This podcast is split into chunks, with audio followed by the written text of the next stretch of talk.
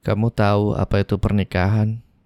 Suatu ikatan yang mampu kapan saja terlepas karena membawa terlalu banyak luka.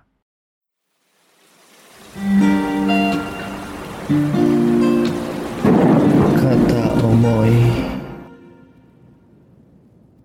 Jingga langit senja bercampur dengan birunya kelopak Myosotis sylvatica yang tumbuh di taman kecilku. Kelopak biru kecil yang selalu memberikan kedamaian saat aku memandangnya. Forget me not. Senja ini tepat 12 tahun setelah hari pernikahan kita. Dan 10 tahun setelah kita tak lagi hidup bersama. Tapi kamu selalu menempati janjimu untuk datang di hari ulang tahun pernikahan kita. Kamu Ingat gak sih awal pertemuan kita? Seorang pria memanggilku ketika berlari mengejar kereta ke Bandung. Ternyata dompetku jatuh. Ya, aku harus kembali mengambilnya. Seperti sinetron sih. Aku malah menabrakmu ketika berdiri ingin kembali mengejar kereta. Kamu menahan tasku, tidak mengizinkan aku pergi. Aku bilang, aku ingin mengejar kereta ke Bandung. Kamu menahanku dan bilang, kamu gak akan ke Bandung hari ini. Sekarang kamu pikirin gimana obatin luka di lututku ini. Dingin banget. ya dingin banget kamu ngomongnya. Aku juga masih ingat pas aku merasa bersalah dan bilang, "Maaf, Mbak, kamu jawabnya, Linet Silvetica. Aku bukan mbakmu.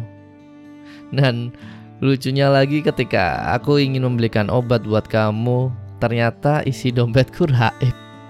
Aku merasa bersalah sih. Akhirnya kamu beli sendiri pakai uang kamu. Aku tidak menyangka pertemuan itu menjadi titik awal kedekatan kita.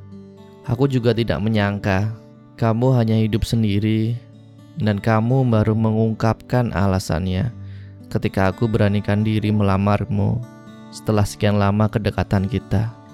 Kamu tahu apa itu pernikahan?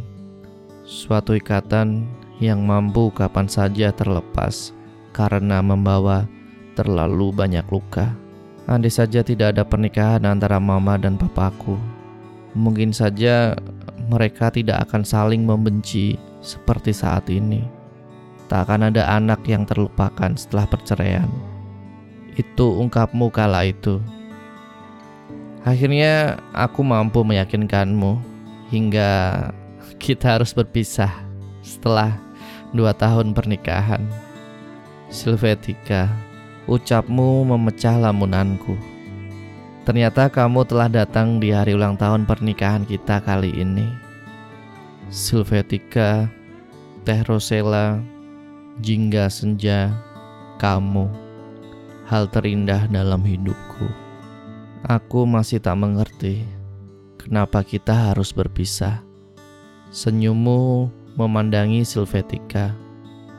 Apa pun itu, aku bahagia masih bisa melihat senyumanmu.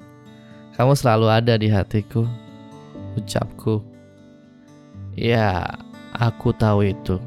Aku paham itu. Kamu juga selalu ada di hatiku. Aku mencintaimu. Namun aku rasa sudah waktunya aku berhenti melukai hatimu lebih dalam lagi. Katamu menyambut ucapku yang sedikit aku tak mengerti. Lalu aku berkata, aku tak pernah merasakan sedikit pun rasa sakit untuk mencintaimu. Linet Silvetika. Dengan tawa kecil kamu berkata, Aku bahagia kamu masih mampu mengeja namaku dengan benar. Di saat akhir pertemuan kita pun, kamu masih menggoda aku. Terima kasih untuk semua kasih yang pernah kamu berikan padaku. Maaf, aku tak akan mampu lagi hadir menemanimu di hari ulang tahun pernikahan kita. Spontan aku berkata, Kamu bercanda, aku belum selesai kataku. Kamu memutusnya dan berkata dengan senyuman, "Simpanlah saja aku dalam kenangmu. Forget me not." Sosokmu perlahan lenyap dari pandangan, berirama dengan munculnya rembulan yang tadinya tertutup awan. Mungkin memang ini adalah akhir pertemuan kita, akhir pertemuanku dengan bayangmu. Dan ketika aku sadari makna luka yang selama ini kau maksud, hanya kerelaan yang menjadi jawab, sebuah jawaban atas delusiku yang menciptakan halusinasi keberadaanmu setelah tiada keberadaanmu yang tak semudah tangis untuk dihapuskan dari hidupku. Linet Silvetica Terima kasih buat yang udah dengerin kata Amoy Podcast episode ini.